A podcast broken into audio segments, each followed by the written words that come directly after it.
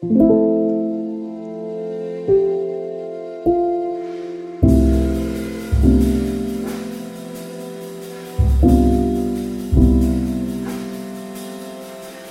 det att prata om allt? Är det till och med nödvändigt? Det här är en podcast som utforskar påståendet att hälsosamma relationer börjar med att våga säga som det är. Följ med in i en sårbart stark värld av både tårar och skratt. Varmt välkommen till Pingst Relationer.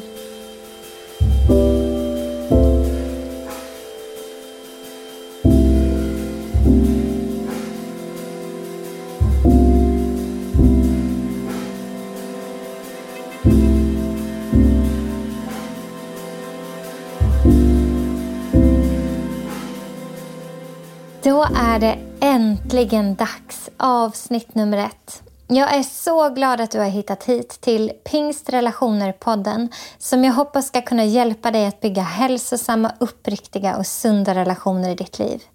Under resans gång så kommer många olika gäster att medverka och personer med intressanta berättelser kommer få dela med sig av sitt hjärta, sina erfarenheter och verktyg i allt det där stökiga och sårbara som är relationer. Jag hoppas att podden ska kunna vara både konkret och praktisk samtidigt som den dyker djupt och vågar vara transparent. Jag som har podden heter Kristin Wiklund och jag jobbar som verksamhetsansvarig för Pingst Omsorg. Där har jag förmånen att få stötta församlingarna i deras arbete med områden som psykisk ohälsa, trygg församling, våld i nära relationer, funktionsnedsättningsområdet, själavårdsnätverk och sen slutligen det här stora övergripande området som heter relationer. Vanligtvis när jag berättar vad jag jobbar med så brukar folk börja skratta ungefär vid tredje området som jag börjar beskriva därför att det är ju så brett och spänner så stort och det går ju inte på något sätt att säga att det här löser vi genom att ha en tjänst i pingst med det här. Utan relationer är ju någonting och alla de här områdena som rör omsorg det är ju någonting som går så mycket in i varandra och det har ju med så mycket att göra. Men mitt jobb är alltså att ge några verktyg för sundare, hälsosammare, mer inkluderande och trygga relationer som leder till till en församlingsgemenskap som är mer sund och trygg och hälsosam. Och när det kommer till det här området relationer så är ju det såklart ingenting man löser med en kurs. Det är bredare än att skapa en pdf eller trycka upp ett material. Det handlar inte om att vi ska bli överens om vad, vad relationer är och säga att ja, och då vill vi ha bra relationer. Utan det är så mycket större och djupare än så. Och därför tänkte jag att för att kunna stötta er där ute med det området så vill jag starta en podcast. En podcast som kan både gräva djupt och jobba brett. Så här kommer vi att prata om identitet, kommunikation relation, gränsdragning, familj och tro, manligt, kvinnligt, själens måenden, triggers och massor av annat som har med våra relationer att göra och massor av områden som påverkar våra relationer. Jag hoppas på modiga samtal och jag hoppas att podden inte bara ska vara intressant utan verkligen bli dig till hjälp. Men så här i början så tänker jag mig att det är viktigt att vi lägger grunden rätt när vi startar. Eh, vi kommer ha så många områden och så många teman där vi djupdyker i, i till exempel kommunikation eller till exempel manligt och kvinnligt och så vidare. Eh, men innan vi kan på något sätt göra det så skulle det vara bra att få lägga en grund så att vi är överens om vad grunden för alla andra relationer är. Eh, ganska så snart så kommer vi prata om relationen till dig själv och hur den påverkar relationen till din nästa. Men Innan det så kommer det ju någonting. Därför att grunden till alla andra relationer är din relation med Gud. För att kunna bli starka på området relationer så behöver vi prata om vad det var som gick snett i den första relationen. Och vi måste prata om vad det var för faktorer som gjorde att den blev skadad. Därför att den relationen mellan människan och Gud inte bara påverkar alla andra relationer som vi har, utan har på något sätt ingredienser som finns i allt det andra som kan bli skevt eller bli eh, tokigt eller skadat. Så vi skulle behöva gå tillbaka till första Mosebok och titta lite på vad, det, vad som hände egentligen när människans relation till Gud eh, gick sönder. Därför att komponenterna i den är precis de samma som vad det är som går sönder i relationen till oss själva. Mig till mig själv och mig till min nästa. Det är precis samma faktorer. Och de faktorerna handlar om skam, om att gömma sig, om att inte våga vara sann med vem man är och vad man tänker på. Att inte våga visa sig, att inte våga bli sedd, att inte våga vara känd. För att det finns en rädsla för att bli dömd. En rädsla för att bli bestraffad. En rädsla för att inte räcka till som den vi är.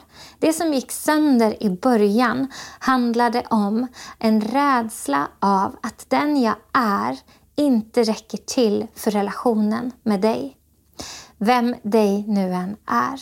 Och du kanske finns där ute som har hittat den här podden och som inte alls tillhör en kristen tro eller tänker att du eh, tror på Gud eller på något sätt följer Jesus. Och Det är helt okej. Okay. Och Jag hoppas att den här podcasten ändå ska kunna vara dig till gagn. Därför det vi kommer prata om tror jag du kommer känna igen oavsett om du känner igen bibelberättelserna som vi kommer gå igenom.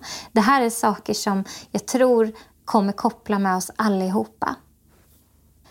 Så vi målar upp scenen. I början, i trädgården, i den första relationen, så var människan skapad lik Gud.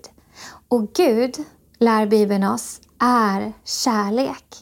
Gud är kärlek. Inte bara har kärlek att ge, inte bara agerar ibland i kärlek, utan är kärlek. Så människan var skapad lik kärlek, i kärlek och tillsammans med kärlek. Och innan människan blev skapad så fanns det redan en perfekt relation mellan Fader, Son och Helig Ande. Treenigheten var redan i en perfekt utgivande kärleksfull relation där man alltid levde i harmoni, i glädje och frid, i godhet, i vänlighet i tålamod, i självbehärskning, i allt det där som vi vet tillhör Guds karaktär. Därför att treenigheten, Fader, Son och Helig Ande, var familj från start. Och sen drömde de ihop den här fantastiska idén att den här kärleken som fanns dem emellan, den här perfekta, osjälviska, fullständigt perfekt harmoniserande kärleken, den ville de dela med sig av. Så de bestämde sig för att skapa människor lika sig själva. Skapade för att vara älskade. Skapade i kärlek, för kärlek.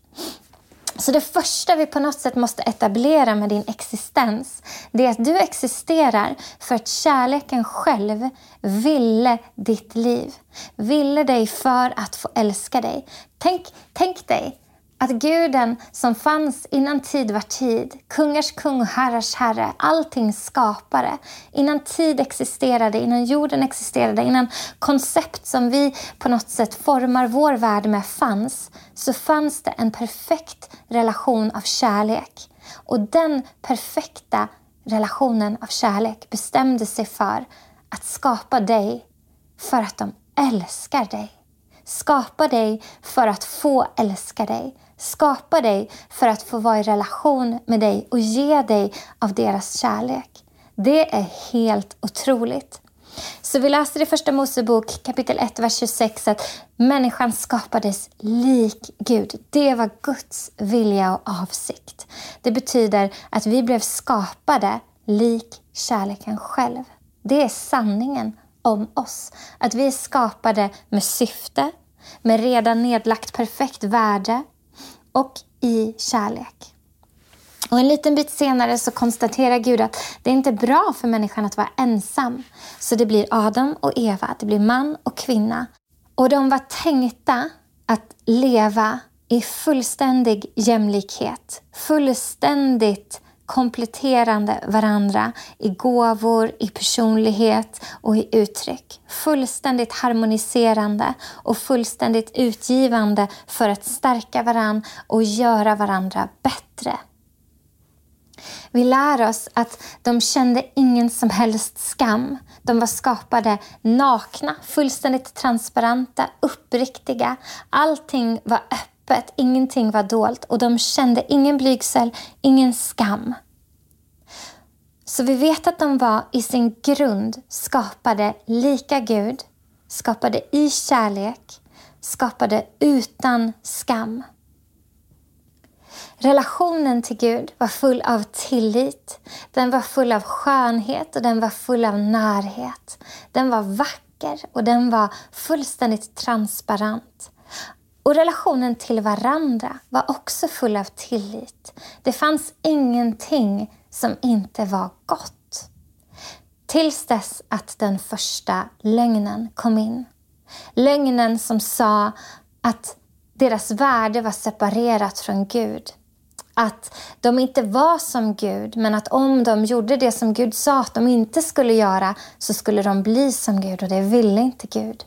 Så Guds karaktär blir angripen, deras värde och identitet blir angripen och en förvirring kommer in som säger, vill inte Gud att vi ska veta det som är bra? Vill inte Gud att vi ska ha kunskap? Vad är det som händer? Och plötsligt så finns det förvirring i relationen och det finns misstänksamhet och det finns en rädsla för att någonting hålls ifrån oss. Men det finns också en rädsla av att jag är antagligen inte bra nog som jag är. Men om jag tar och gör det här som jag inte får göra, då kanske jag blir det som jag uppenbarligen inte är. Så lögnen som kommer in och ormen som ljuger försöker skapa splittring och separation. Men framförallt försöker säga till dem att deras värde inte är satt och de behöver lösa det här själva. Vilket de försöker göra. De äter av frukten som var förbjuden att äta ifrån, från trädet om kunskap om gott och ont. Och det trädet gav inte bara kunskap om gott och ont, kunskap på gott och ont, utan det, det trädet, den frukten gav dem var förmågan att nu döma vad som var gott och vad som var ont. Och det absolut första de dömer som ont, det är sig själva. De tittar ner på sina nakna, nakna kroppar och konstaterar det här är inte bra. Det här måste vi gömma. Och de försöker skapa någon slags konstruktion där med löv och grejer och fixar ihop det och gömmer delarna av sig själva som innan vackert, sårbart, transparent fanns öppna utan att det överhuvudtaget fanns någon skam kopplat till det. Innan de lärde sig att döma på gott och ont så dömde de ingenting överhuvudtaget därför att allt Gud hade skapat var gott. De var skapade lika Gud. De kände ingen skam. Deras värde och identitet var fullständigt satt och deras relation var full av tillit. Men efter de hade tagit av frukten som gav dem förmågan att avgöra vad är gott och vad är ont så vände de sig direkt till sig själva och bedömde att det här är inte bra. Jag är inte bra. Och skammen hade kommit in i människan. Och skammen hade kommit in och satt split mellan Gud och människa. Och därefter har vi människor haft en enorm process och kamp kring att separera vad som är skuld, det vill säga jag har gjort någonting fel, och vad som är skam, det vill säga jag är någonting fel.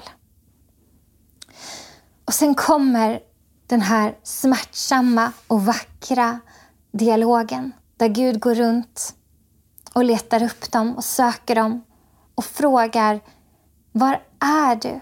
Ropar på Adam, var är du? Det kan ju låta som en märklig fråga därför att Gud visste ju precis vart de var. Det handlade inte om vart de geografiskt i trädgården var utan det handlade om hjärtats hållning. Därför att de hade fattat beslutet. Vi är fel, vi måste gömma oss, vi måste försöka laga det här själva, vi måste prestera oss till ett värde. Så om vi gömmer det som är fyllt av skam och är fel med oss så kanske vi kan förtjäna oss tillbaka till en relation med Gud. De valde att gömma sig, de valde avstånd, de valde distans. De som var skapade i perfekt kärlek för att bli älskade. När förmågan att döma hade kommit in så var deras instinkt att döma sig själva. Att välja att lösa det själv och förtjäna relationen snarare än att kapitulera i armarna på den som älskar dem. Och det här är precis vår utmaning också. Vi försöker så ofta i relation till Gud, till oss själva, till varandra, till vår omvärld prestera oss till vårt värde, prestera oss till att förtjäna relationen snarare än att kapitulera i armarna på den som älskar en. Och på många sätt så tänker jag att det var ju fel fråga egentligen. Var är du? Gud borde ju ha frågat, vad har du gjort? Därför att det de hade gjort var ju att gå emot det som Gud hade sagt att de inte fick göra. Så frågan borde ha varit, vad har du gjort? Och Adam borde ha svarat, jag åt av frukten som jag inte fick. Förlåt mig. Och så hade relationen och tilliten kunnat byggas upp på nytt. Men eftersom det här inte var en skuldfråga utan en skamfråga så var frågan, var är du? Var är ditt hjärta? Det finns distans, det finns avstånd. Det finns en vald distans mellan dig och mig. Var är du Adam? Och Adam svarar med att säga Jag har gjort det här och jag gömde mig för jag är naken och jag liksom, ja det var fel och jag och, och hans reaktion handlar om att han behövde gömma sig för att han var naken och han hade bedömt att det var fel. Jag tänker att Adams svar påminner ganska mycket om mina barns svar när jag ställer frågan till dem när de har gjort någonting fel. Adam liksom, oh, Gud, Gud frågar var är du? Och Adam svarar, jag hörde dig komma i trädgården och jag blev rädd eftersom jag är naken och så gömde jag mig. Det, det, är liksom hela den långa bekännelseramsan av allting som hade blivit fel istället för att bara svara kort och enkelt och konkret. Och på ett sätt så tänker jag att det är vackert att Adams svar är precis som ett barns svar. För det ger oss som, som, som Guds barn ett hopp om att vi får också vara precis sådär uppriktiga och berätta vart vi befinner oss, vart mitt hjärta är. Jag hörde dig komma, jag blev rädd. Jag vill inte vara rädd för Gud. Jag vill inte att det ska finnas rädsla i min relation till Gud. Rädsla är inte någonting som ska vara där i en relation som är fullständigt skapad i och för kärlek. Ni vet, första Johannesbrev 4 lär oss att Gud är kärlek och att det finns ingen rädsla i kärlek. Till och med att perfekt kärlek driver ut all rädsla. Så när Adams första reaktion är ”jag blev rädd”, redan där säger det oss att han har klivit långt bort ifrån kärlek. Och Han blev rädd eftersom han var naken och så gömde han sig. Så han bedömde att nakenhet är fel. Nakenhet måste gömmas. Nakenhet är ingenting som får finnas här. Fast det var inte vad Gud hade sagt. Men kunskapen om gott och ont gav dem möjligheten att bedöma sitt värde. Och de valde direkt, det är fel. Jag är fel. Och distans skapades. Så här ser vi vad det var som gick fel. Och här ser vi också varför våra relationer är så kluriga. Relationen till Gud, relationen till oss själva och relationen till varandra. Det är svårt med relationer. Det är otroligt svårt. Och det blir lättare ifall att vi börjar med att konstatera vad syftet med vår existens är. Inte bara vad den var innan det gick sönder i början, utan vad syftet med vår existens är nu. Syftet med våra liv är att vara älskade av Gud. Att ta emot Guds kärlek. Och om det är syftet med våra liv så kan vi aldrig misslyckas. Om det är syftet, om det är det enda vi behöver öva på. Och jag vet, vi har massor av andra uppdrag och vi har missionsbefallningen och vi har massor av saker som Gud önskar att vi gör. Men om de inte utgår ifrån kärlek och om de inte drivs av kärlek så spelar det ingen roll hur bra de är. Om de drivs utifrån checklistor där vi ska försöka prestera oss till ett rätt förhållande till Gud, ett rätt förhållande till varandra, en checklista med krav och prestation och saker som avgör vårt värde, så är det precis samma sak som att vända oss bort i skam. Gömma oss, försöka lösa själva, försöka laga själva, försöka prestera oss till. Och ifall att vi inte lyckas då, så slutar det alltid med att vi vänder oss bort, skapar mer distans för att vi skäms. För vi är fel om vi inte lyckas. Men om vårt syfte är att vara älskade av Gud. Varje gång vi då inte lyckas med vår checklista så vänder vi oss till kärlek, så drar vi oss närmre i relation, är uppriktiga, nakna, transparenta vänder oss tillbaka till kärleken och låter honom älska oss där, i smörjan, i smärtan, på den där platsen av vårt misslyckande, släpper in kärleken till den platsen, då finns det inget sätt för oss att misslyckas. För om syftet med våra liv är att ta emot Guds kärlek, att öva på det, bli bättre på det, så kan vi inte misslyckas. Och jag vet, när Jesus säger vad, vad liksom det viktigaste budet är, så säger han att det är att älska Gud av hela ditt hjärta, av hela din själ, av hela ditt förstånd, av hela din kraft. Och sen kommer detta. Du ska älska din nästa som dig själv. Något större bud än dessa finns inte, läser vi. Och självklart så är det många som då tänker att ja, men att älska din nästa som dig själv, det är ju vårt uppdrag. Det går ju hand i hand med allt det som vi lär oss som kristna att vi ska göra. Men notera att det första, det är att ta emot Guds kärlek. Att leva älskade är förutsättningen för att kunna leva älskande. Att leva älskade är förutsättningen för att kunna leva älskande. Vi älskar därför att han först har älskat oss. Om rädsla är motivationen till våra relationer så blir prestation och allt det där vi kan göra vårt sätt att bevisa vårt värde. Men om kärlek är motivationen så tar vi både det som går rätt och det som går fel till han som är kärlek och låter kärleken vara det som avgör vårt värde. Så om, om det är vårt syfte att leva älskade och att som en konsekvens av att leva älskade så lever vi älskande så är vårt uppdrag att öva på att låta Gud älska oss. Att släppa in Guds kärlek. Att våga säga älska mig här mitt i mitt misslyckande, mitt i min oro, mitt i min sjukdom, mitt i min förvirring, mitt i min rädsla. Då blir varje ny säsong en inbjudan att släppa in kärleken till en plats där kärlek inte var förut. Och att ta emot Guds kärlek det är en muskel. Vi kan öva upp den, den kan bli starkare. Och jag kommer nu gå igenom fyra sätt som vi kan på att, att stärka den här muskeln, muskeln som heter ta emot Guds kärlek. Och Det här är viktigt därför att principerna vi lär oss här kommer påverka alla våra andra relationer. Så det här är grunden och det här är så, så viktigt. Vi kan inte prata om triggers och bagage och relationsproblem och sårbarhet versus svaghet. Vi kan inte prata om någonting av det andra. Tillit och förtroende och förlåtelse, äktenskap, allt det här vi ska gå igenom om vi inte först är överens om att vi behöver för att ha hälsosamma, sunda, trygga, sanna relationer öva på det viktigaste, grunden för vår existens. Nämligen att ta bort oss från det här som handlar om ska, skam och ett värde som är satt i prestation och ta oss till ett värde som är satt och definierat av och utgår ifrån att vi är skapade för att vara älskade. Guds kärlek, att ta emot den, det är syftet med vår existens. Det är grunden för våra relationer. Så nummer ett i att öva upp den här muskeln.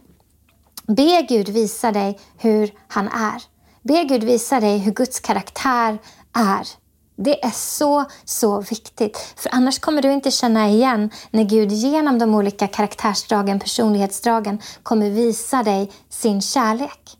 Om du tycker att det här är svårt och du tänker att du i teorin och på pappret vet om att Gud älskar dig, för så älskade ju Gud världen att han gav den sin enda son och det gäller ju även mig för jag ingår i världen.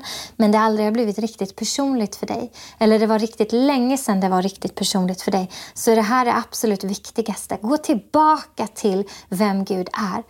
Låt be honom visa dig hurdan han är. Andens frukter är kärlek, glädje, frid, tålamod, godhet, mildhet, vänlighet, trohet och självbehärskning. Det här är Guds karaktär. Det här är hur Gud är och det är genom sin kärlek, glädje, frid, tålamod, godhet, mildhet, vänlighet, trohet och självbehärskning som Gud visar dig vem han är. Om vi litar på att Gud är god så kommer vi känna igen hans kärlek genom hans godhet. Om vi litar på att Gud är tålamod så kommer vi känna igen hans kärlek genom hans extraordinära tålamod som han visar mot oss.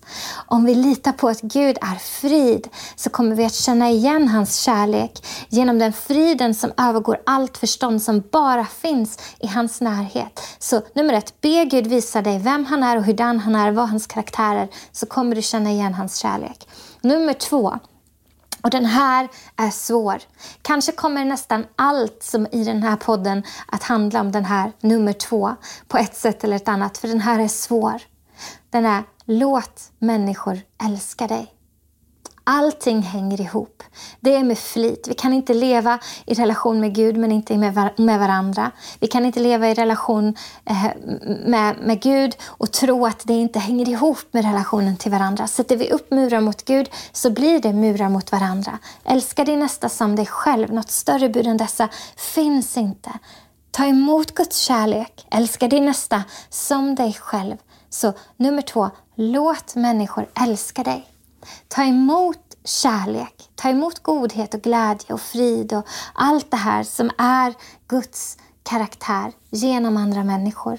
Låt oväntade händelser, låt oväntade personer, låt vänner, låt främlingar Låt sådana där saker som inte kunde ha skett på något annat sätt än genom att Gud är god och känner dig tala till dig om vem Gud är. Låt frisören som säger ett vänligt ord eller låt bussen som kom i tid, låt läraren som visade vänlighet mot dig eller låt ehm, eh, den som inte stämplade dig för en bötesbiljett när du inte hade betalat, eh, det är såklart ingen av er som gör så här, men om du hade missat att eh, betala din eh, bussbiljett, den som inte gav dig böter, låt den godheten vara en bild av Guds kärlek för dig. Jag har ett sånt exempel när jag och Viktor skulle gifta oss. Så vi gifte oss på våren och det hade varit frost ganska länge, så det var alldeles, alldeles för tidigt för vitsippor. Men i mitt hjärta så längtade jag efter att ha vitsippor på vårt bröllop och på vår vigsel. Och jag hade inte berättat det för någon och jag hade liksom kanske sagt det lite grann till svärmor att om det finns vitsippor så skulle det vara jättefint om det fanns inne i kyrkan. Men annars var det någonting som var en sån här hemlig längtan i mitt hjärta som jag hade pratat med Gud om. Och sen så när jag kommer efter att ha varit hos frisören och anländer till platsen där jag och Viktor ska fotograferas och jag möter upp Viktor och fotografen så säger Viktor, ah, vi har hittat ett jättefint ställe för att fotografera oss. Jaha, säger jag, så går vi dit och tittar. Och då har de hittat en äng, en gömd, vacker äng, proppfull med vitsippor. Så på varenda fotografi från vår bröllopsdag så är det vitsippor med. Det var ett sånt där tecken för mig på Guds kärlek. Och det finns massor av såna här händelser som människor eller som händelser har visat mig Guds kärlek. Nummer tre. Lär dig känna igen kärlek. Det är inte samma sak som att lära dig känna igen Guds karaktär, utan det här handlar om att lära dig känna igen Guds röst, lära dig känna igen hur Gud kommunicerar sin kärlek till dig. Och här igen blir det så tydligt hur det hänger ihop hur relationen till oss själva, till andra och till Gud hänger ihop. Det är vackert att det är så sårbart utelämnat till varandra. Vi inte kan ha det ena utan det andra. Gud vill att vi ska ha relationer med varandra. Så för dig som har svårt um, att känna igen Guds röst, svårt att kanske höra Gud säga att han älskar dig och att han vill ha en relation med dig, så skulle jag säga så här, börja med att under en månads tid, varje kväll när du ska gå och lägga dig, skriva ner fem saker som du tycker om med dig själv eller är stolt över dig själv för. Varje kväll i en månads tid. Olika saker varje dag, samma saker vissa dagar, men öva på att skriva ner dem. I början kanske det är svårt, men efter ett tag så kommer det bli lättare. Och när en månad har gått så frågar du Gud, vad älskar du med mig? Vad tycker du om med mig? Vad är du stolt över med mig? Och då kommer det bli lättare att känna igen rösten av kärlek, för du har övat. Det vi fokuserar på det växer och det vi fokuserar på det attraherar vi. Så när det här är fokuset kväll efter kväll efter kväll innan du lägger dig så kommer det forma din inre värld och göra dig mer mottaglig för att höra och känna igen Guds kärlek. Nummer fyra. Det här är det svåraste, men det är också extremt viktigt. Ta fram alla hemligheter i ljuset. Det här hänger ihop med det första vi pratade om gällande skam. Det handlar om att inte gömma saker för de människorna som du litar på. Utan att berätta vad du jobbar med, vad du kämpar med, vad du processar, vilken säsong du är i, vad du har för orosmoln, vilka hemligheter du har, vad du har varit med om, vad du har gjort, vad andra har gjort mot dig. Att ha människor i ditt liv som du kan berätta sårbart och transparent sanningen till. Såklart inte från estrader, såklart inte till alla människor. Vi måste ha gränser och vi kommer prata om gränser i den här podcasten. Men i förtroliga samtal med människor som du litar på, dela dina hemligheter, ta fram dem i ljuset. Mörkret förlorar sin kraft i ljuset. Och gör vi inte det här så kommer den där inre rösten, lögnen som vi pratade om i början, av skam att eka högre än Guds kärlek. Och du kommer att intala dig själv att men om de visste det här om mig, då skulle de inte älska mig. Och du kan då skapa distans mellan den kärleken som vill komma in i ditt liv genom Gud, genom andra människor och sanningen. Därför att du säger då till dig själv att de, de vet inte det här. De vet inte vad jag har gjort, de vet inte vad andra har gjort mot mig. Och på grund av att de inte vet det så vet de inte vad de säger när de säger att de älskar mig. Om de visste det här, då skulle de inte älska mig. Så fram med mörkret och lägg det i ljuset. Sätt ord på det, säg som det är. Skammen förlorar då sitt grepp och Guds kärlek kan komma in. Att ta emot Guds kärlek, det är egentligen vårt enda uppdrag. Resten blir en produkt av det. Men att ta emot Guds kärlek, det är det svåraste för oss. Vi vill så ofta förtjäna Guds kärlek, göra rätt, leva rätt, visa upp listan med anledningar till att vi är älskvärda. Problemet blir när vi försöker lösa det själva utanför Guds karaktär. För då är vi bara värda Guds kärlek när vi är kapabla. Och det är aldrig sant. Så att ta emot Guds kärlek, att öva på det, att lära sig det, det är extremt sårbart. För det innebär att du behöver låta Guds kärlek nå in i de platserna där du ännu inte släppt in den.